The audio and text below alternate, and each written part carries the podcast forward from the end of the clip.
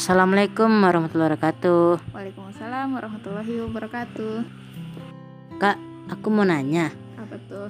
Pasar kan ada banyak jenisnya. Mm-mm. Pasar ada pasar monopoli, pasar oligopoli, pasar persaingan sempurna. Mm-mm. Aku mau tahu jenis-jenis pasar itu. Tapi sebelum itu, arti pasar sendiri apa sih, Kak?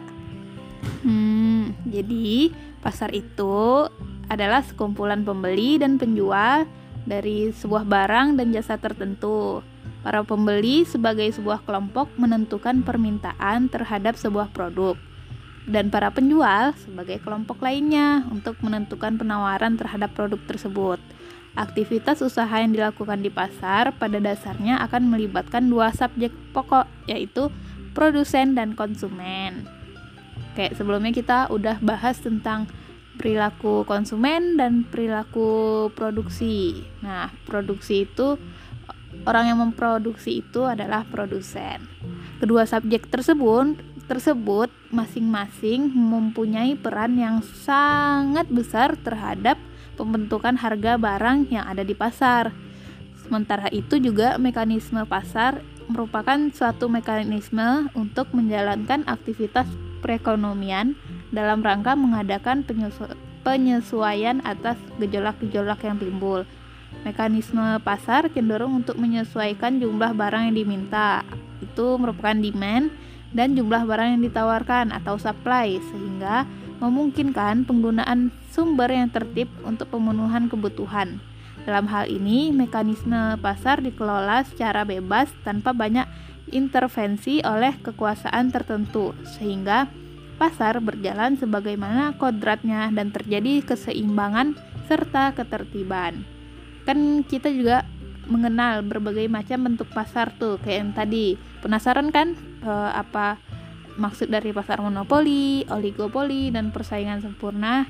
Nah, eh, itu pasar persaingan murni merupakan bentuk pasar yang ideal. Ada beberapa bentuk pasar sebagaimana yang udah sering tuh diungkapkan oleh pakar pemasaran.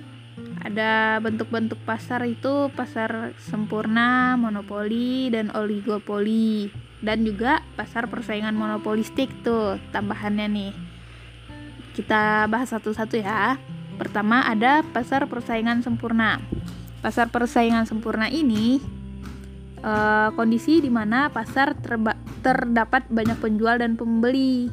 Pasar persaingan sempurna itu ada ciri-cirinya. Yang pertama, eh, penjual dan pembelinya itu ada banyak dan masing-masing penjual merupakan bagian kecil dari pasar secara keseluruhan. Kemudian yang kedua, barang yang dihasilkan itu bersifat homogen, artinya barang yang diproduksi oleh seorang produsen merupakan eh, barang substitusi sempurna dari barang yang sama yang dipro yang diproduksi oleh produsen lain. Yang ketiga, adanya kebebasan keluar masuk industri bagi baik bagi konsumen maupun bagi produsen. Artinya, bila menguntungkan pengusaha bebas membuka pabrik baru, tetapi bila rugi, maka dia bisa menutup usahanya. Yang terakhir, ciri-cirinya itu informasi mengenai pasar mudah didapat, seperti perubahan harga dan permintaan. Nah, kayak yang ciri-ciri yang kedua tadi itu, eh, jadi di pasar persaingan sempurna itu barang yang dijual tuh sama semua. Contoh nih kayak beras. Nah, eh, di pasar persaingan sempurna itu eh, pedagang-pedagangnya pada menjual beras semua. Terus juga eh, kayak yang ciri-ciri yang terakhir tadi kan eh, harga perubahan harga dan permintaan itu mudah didapat. Kayak tadi beras contohnya tuh kan mudah didapat informasi mengenai harganya, terus permintaannya juga. Nah, begitu. Itu merupakan pasar persaingan sempurna. Yang kedua, kita bahas tentang pasar monopoli. Dalam kehidupan kita sehari-hari itu, kita nemuin bentuk pasar monopoli yaitu situasi pasar di mana hanya ada satu penjual produk dan produk tersebut tidak ada penggantinya. Karena itu, perilaku dalam pengambilan keputusan di pasar agak berbeda dengan pasar persaingan sempurna. Nih, ada ciri-cirinya nih. pasar monopoli. Yang pertama, di dalam pasar hanya terdapat satu penjual.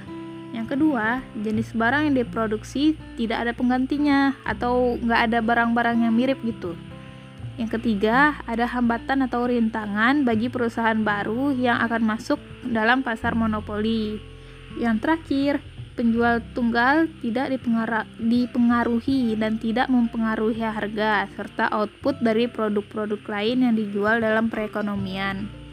Nah, dari ciri-ciri tadi itu, jadi maksudnya itu pasar monopoli itu cuma satu produsennya yang menjual barangnya gitu di pasar tersebut. Terus kalau misalnya barangnya habis, dia nggak ada penggantinya atau barang-barang yang miripnya gitu nggak ada.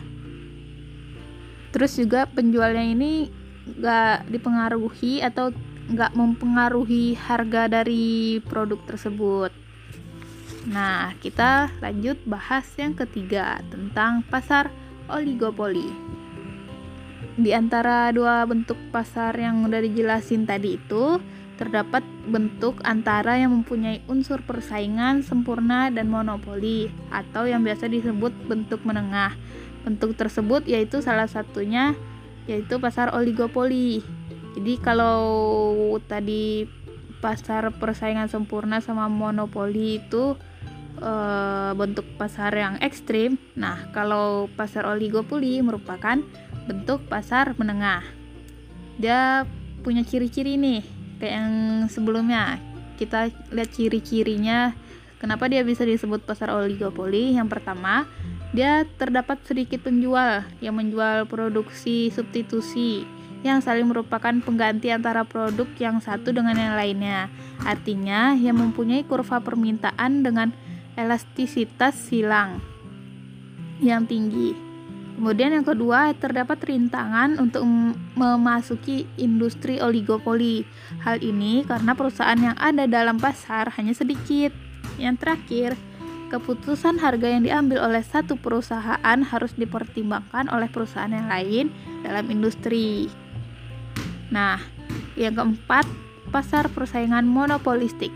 Bentuk pasar persaingan monopolistik ini merupakan bentuk pasar menengah lainnya selain oligopoli. Tadi kan oligopoli merupakan uh, bentuk pasar menengah. Nah, selain itu, selain pasar oligopoli, pasar menengah lainnya itu ada pasar persaingan monopolistik. Pasar persaingan mon monolistik ini merupakan perpaduan antara bentuk persaingan sempurna dengan monopoli. Nah, jadi uh, kayak gabungan antara pasar monopoli sama pasar persaingan sempurna yang tadi. Ciri-cirinya perusahaan bebas masuk dan keluar dari pasar. Terus barang yang dihasilkan mempunyai corak yang berbeda dan barang yang dihasilkan itu nggak sama atau tidak homogen. Kemudian mekanisme pasar yang dibangun dalam Islam berdasarkan norma ajaran Islam yang berhubungan dengan aktivitas ekonomi mekanisme, mekanisme pasar bukan suatu hal yang sempurna atau baku sehingga dimungkinkan gagal dalam kepentingan perekonomian yang islami.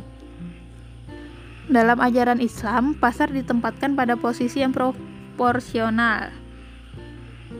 Berbeda dengan pandangan kapitalisme maupun sosialisme yang ekstrim. Pasar bukan satu-satunya mekanisme distribusi yang utama dalam perekonomian, tetapi merupakan salah satu dari berbagai mekanisme yang diajarkan syariat Islam.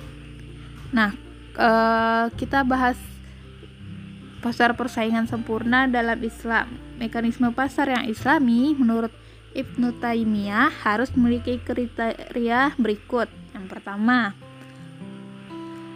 Orang-orang harus bebas untuk masuk dan keluar pasar. Memaksa penduduk menjual barang tanpa adanya kewajiban untuk menjualnya adalah tindakan yang gak adil dan ketidakadilan itu dilarang di dalam Islam. Yang kedua, tingkat informasi yang cukup mengenai kekuatan-kekuatan pasar dan barang-barang dagangan adalah perlu. Yang ketiga, unsur-unsur monopolistik harus dilenyapkan dari pasar sehingga segala bentuk kolusi, kolusi antar kelompok para penjual dan pembeli tidak diperbolehkan. Jadi uh, kalau menurut Islam nggak boleh ada unsur monopolistik dari uh, di dalam pasar. Yang keempat, Homogenitas dan standarisasi produk sangat dianjurkan ketika terjadi pemalsuan produk, penipuan dan kecurangan-kecurangan dalam mempresentasikan barang-barang tersebut. Yang kelima, setiap penyimpangan dari kebebasan ekonomi yang jujur seperti sumpah palsu, penimbangan yang tidak tepat dikecam oleh ajaran Islam karena itu termasuk uh, kecurangan.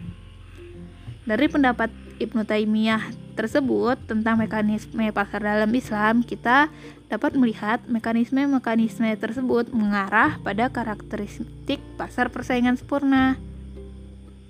Begitu penjelasan tentang pasar. Oh, jadi pasar itu nggak cuma tiga ya kak? Iya, ada empat. Ada apa aja? Ada pasar persaingan sempurna, Mm -mm. pasar monopoli, Mm -mm. pasar oligopoli, sama Iya. pasar persaingan monopolistik. Pinter. Oke kak, makasih penjelasannya. Iya, sama-sama. Assalamualaikum. Waalaikumsalam.